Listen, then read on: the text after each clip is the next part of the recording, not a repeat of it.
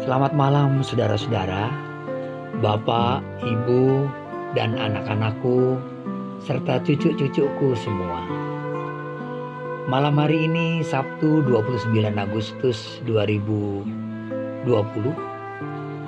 bersama kami keluarga Mulyo Prihantono dengan anak dan cucu Ata dan Abel dari kelompok Rawasari wilayah Ramangun A. Mari kita siapkan hati dan pikiran kita untuk menghadap Tuhan dengan bersaat teduh sejenak.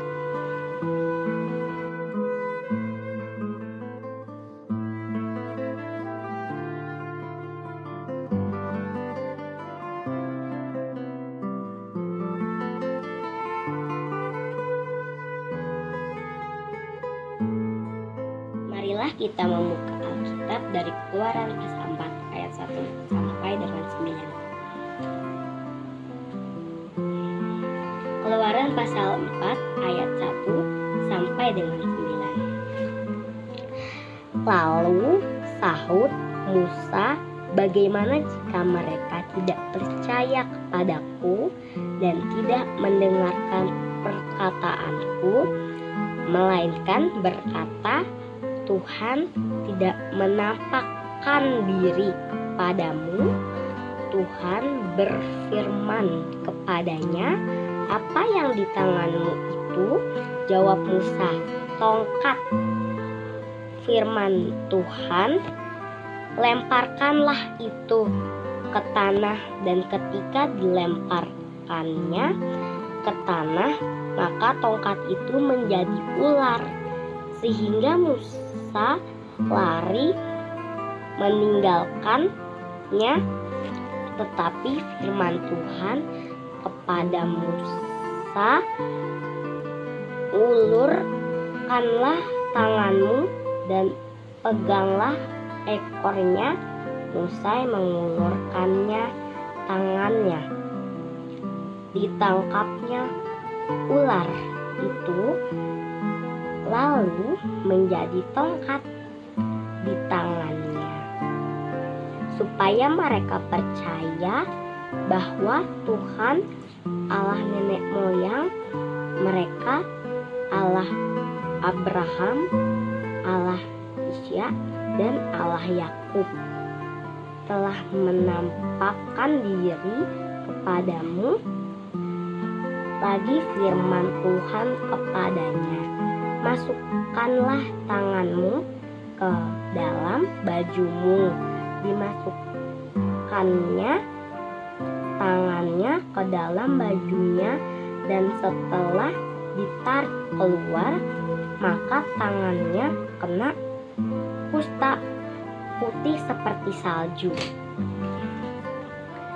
sesudah itu firmannya masukkanlah tanganmu kembali ke dalam bajumu. Musa memasukkan tangannya kembali ke dalam bajunya dan setelah ditariknya keluar maka tangan itu pulih kembali seperti seluruh badannya. Jika mereka tidak percaya kepadamu dan tidak meng mengindahkan tanda mukjizat yang pertama, maka mereka dan percaya kepada tanda mukjizat yang kedua dan jika mereka tidak juga percaya kepada kedua tanda mukjizat yang mukjizat ini dan tidak mendengarkan perkataanmu, maka engkau harus mengambil air dari sungai Nil dan harus kau curahkan di tanah yang kering lalu air yang kau ambil itu akan menjadi darah di tanah yang kering itu. Bagaimana jika mereka tidak percaya kepadaku dan tidak mendengarkan perkataanku, melainkan berkata, "Tuhan tidak menampakkan diri kepadamu." Ini pertanyaan yang Musa ajukan kepada Tuhan ketika ia diutus untuk kembali ke Mesir, karena Tuhan akan membebaskan bangsa Israel. Musa sudah lama meninggalkan Mesir dan ia sudah hidup nyaman dengan istri, anak, dan mertuanya, dan dengan pekerjaannya sebagai seorang gembala. Jadi, bagi Musa, pengutusan Tuhan untuk kembali ke Mesir adalah pekerjaan yang mengganggu kenyamanannya. Untuk itulah, pertanyaan Musa dapat juga diartikan sebagai sebuah pernyataan penolakannya atas pengutusan Tuhan. Pertanyaan Musa dapat diartikan hanya sebagai sebuah alasan saja untuk menolak. Saudara-saudara yang kekasih, bukankah kita juga kadang seperti Musa? Ketika mendapat permintaan atau penugasan di gereja yang bagi kita tidak menarik atau mungkin merepotkan, maka kita mengajukan pertanyaan yang berkesan merendahkan diri. Tetapi sesungguhnya itu adalah sebuah penolakan. Nanti kalau orang tidak suka dengan gaya saya, bagaimana? Nanti kalau saya harus pimpin PA, padahal saya belum mendalami, belum memahami Alkitab, bagaimana? Nanti kalau saya harus tugas di ibadah minggu, padahal saya mudah grogi, bagaimana? Dan pertanyaan-pertanyaan lain yang berupa alasan penolakan. Saudara-saudara, mengapa Musa menolak pengutusan Allah? Yang pertama, Musa tidak yakin umat Israel masih mempercayai bahwa Tuhan peduli kepada mereka.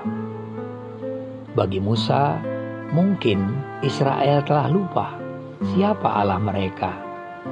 Sehingga jika Musa berani menyatakan bahwa Allah Israel telah menampakkan diri kepada Musa dan mengutusnya, pasti dianggap sebagai gurauan belaka. Untuk itulah Tuhan menyertakan tanda-tanda ajaib kepada Musa sebagai bukti pengutusannya. Terdapat dalam ayat 2 sampai 9. Yang kedua, Musa tidak yakin akan kemampuan diri sendiri memimpin umat yang begitu besar.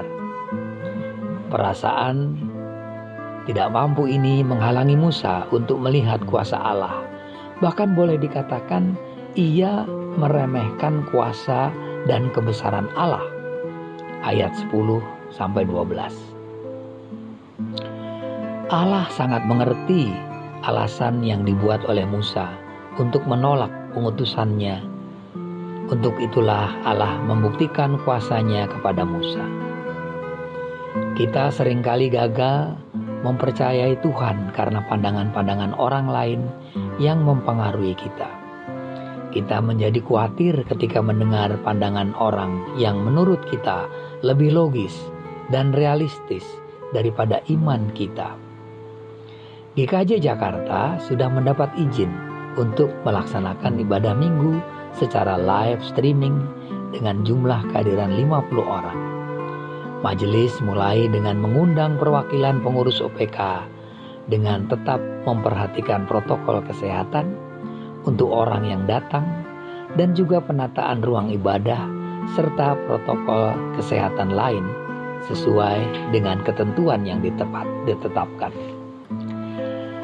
Hal itu sudah berjalan dua minggu dan selama dua minggu berjalan tersebut belum mencapai kehadiran 50 orang. Belum semua OPK dapat mengutus pengurusnya untuk hadir. Semoga hal ini bukan karena penolakan, yang disebabkan kekhawatiran dengan pertanyaan-pertanyaan. Nanti kalau nanti kalau Kita juga tidak hendak menguji Tuhan dengan mengatakan, "Tuhan menyertai dan menjagaku," lalu melanggar protokol kesehatan. Tetapi yang penting adalah jangan sampai kekhawatiran kita mengalahkan kuasa Tuhan. Amin. Marilah kita menaikkan doa Bapa kami. Kita ucapkan bersama-sama. Bapa kami yang ada di surga, dikuduskanlah namamu, datanglah kerajaanmu, jadilah kehendakmu di bumi seperti di sorga. Berikanlah kami pada hari ini makanan kami yang secukupnya, dan ampunilah kami akan kesalahan kami, seperti kami juga mengampuni orang yang bersalah kepada kami. Dan janganlah Membawa kami ke dalam pencobaan, tetapi bebaskanlah kami dari yang jahat. Karena Engkau yang kerajaan dan kuasa dan kemuliaan sampai selama-lamanya. Amin. Marilah kita menaikkan doa syafaat. Ya Tuhan, terima kasih untuk firman-Mu malam hari ini yang mengingatkan kami akan kuasamu yang luar biasa. Tolonglah kami untuk senantiasa percaya akan kuasa dan kasih-Mu, sehingga kami tidak terkalahkan oleh rasa khawatir kami yang berlebihan. Tolonglah kami untuk dapat memberikan diri dalam setiap pengutusan-Mu dan tidak memberikan berbagai alasan untuk menolak. Mampukan untuk percaya bahwa ketika kami melakukan tindakan dengan tetap mematuhi peraturan dengan benar, maka Engkau ada untuk menjaga dan melindungi kami. Dalam pengasihan-Mu kami mohon. Tuhan, dengarlah dan kabulkanlah doa kami. Ya Tuhan, kami mendoakan orang-orang yang memberikan diri untuk Engkau utus dan Engkau pakai dalam melakukan tugas-tugasnya di masa pandemi ini. Kami berdoa untuk dokter, perawat, dan semua orang yang bekerja di rumah sakit. Kami berdoa untuk gugus tugas di semua tempat. Kami berdoa untuk polisi, satpol, satpol PP, dan para petugas yang terus mengingatkan setiap orang mematuhi protokol kesehatan. Kami berdoa untuk anggota majelis di setiap gereja. Kami berdoa untuk setiap orang yang menyiapkan dan melaksanakan peribadahan di gereja-gereja.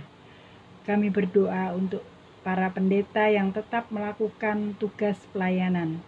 Kami tidak dapat membayangkan apa yang akan terjadi jika orang-orang yang kami dido kami didoakan tadi menolak pengutusanmu.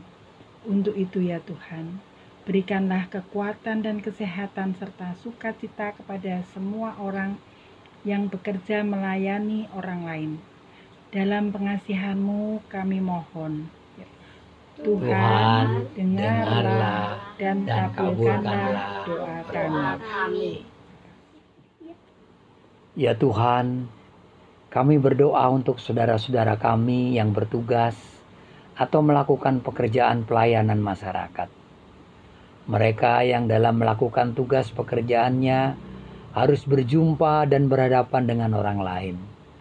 Mereka rentan terpapar dan menyebarkan virus corona ketika melakukan tugas pekerjaannya.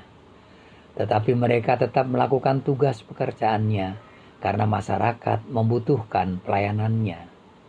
Untuk itu ya Tuhan, tolonglah mereka agar tetap menjaga kesehatan dengan mematuhi protokol kesehatan dalam menjalankan tugas. Berikanlah kesehatan dan kekuatan kepada mereka agar tidak mudah terpapar. Dalam pengasihanmu kami mohon. Tuhan, dengarlah dan, dan kabulkanlah doa kami. Ya Tuhan, kami berdoa untuk setiap kami di masa normal baru ini, khususnya yang sudah dapat kembali melakukan pekerjaan di kantor. Biarlah kami dapat sungguh-sungguh mendisiplinkan diri, bukan hanya menjaga agar tidak terpapar, tetapi juga menjaga agar orang lain juga tidak terpapar karena kecerobohan kami. Kami berdoa untuk mereka yang belum dapat melakukan kembali usahanya, bahkan mereka yang kehilangan pekerjaan. Tuhan, berikanlah kekuatan dan pengharapan kepada saudara-saudara kami untuk percaya bahwa Engkau tidak meninggalkan mereka. Engkau tetap mencukupkan kebutuhan mereka melalui orang-orang yang peduli dan dengan sukacita berbagi berkat dengan kasih-Mu. Tolonglah kami ketika hanya berdiam di rumah, tetap dapat beraktivitas, bahkan kami menjadi lebih kreatif dalam mengembangkan talenta yang Engkau berikan. Tolonglah kami agar tidak hanya mengeluh dan tidak melakukan apa pun, tetapi mampukan kami untuk dapat menjadi produktif dan tidak memendam talenta yang Engkau berikan kepada kami. Dalam pengasihanmu kami mohon. Tuhan, dengarlah dan kabulkanlah doa kami. Ya Tuhan, kami berdoa untuk teman-teman yang mengalami kesulitan dalam melakukan tugas belajar. Teman-teman kami yang tidak memiliki sarana HP atau yang lainnya untuk dapat tetap belajar secara online teman-teman kami di tempat-tempat yang sulit untuk mendapatkan signal sehingga tidak dapat melakukan proses belajar secara online. Tolonglah mereka ya Tuhan, agar dengan berbagai cara dan sarana yang terbatas tetap dapat bersekolah. Kami berdoa untuk kakak-kakak juga adik-adik yang bersedih karena orang tua atau anggota keluarganya meninggal karena virus corona ataupun karena sakit yang lainnya. Tuhan, hiburlah teman-teman kami agar mereka tidak sedih terus dengan percaya bahwa orang tua atau anggota keluarga mereka sudah bahagia bersama Bapa di sorga. Kami juga berdoa untuk teman-teman yang orang tuanya bekerja di garda depan sehingga jarang di rumah bahkan mungkin tidak pulang ke rumah. Tuhan, tolong agar teman-teman kami terus mendoakan orang tua mereka. Tuhan, inilah doa-doa kami malam ini. Dalam pengasihanmu kami mohon. Tuhan, dengarlah dan kabulkanlah doa kami. Amin. Amin. Saudara-saudara, tetaplah setia menjadi pendoa. Selamat malam, selamat beristirahat.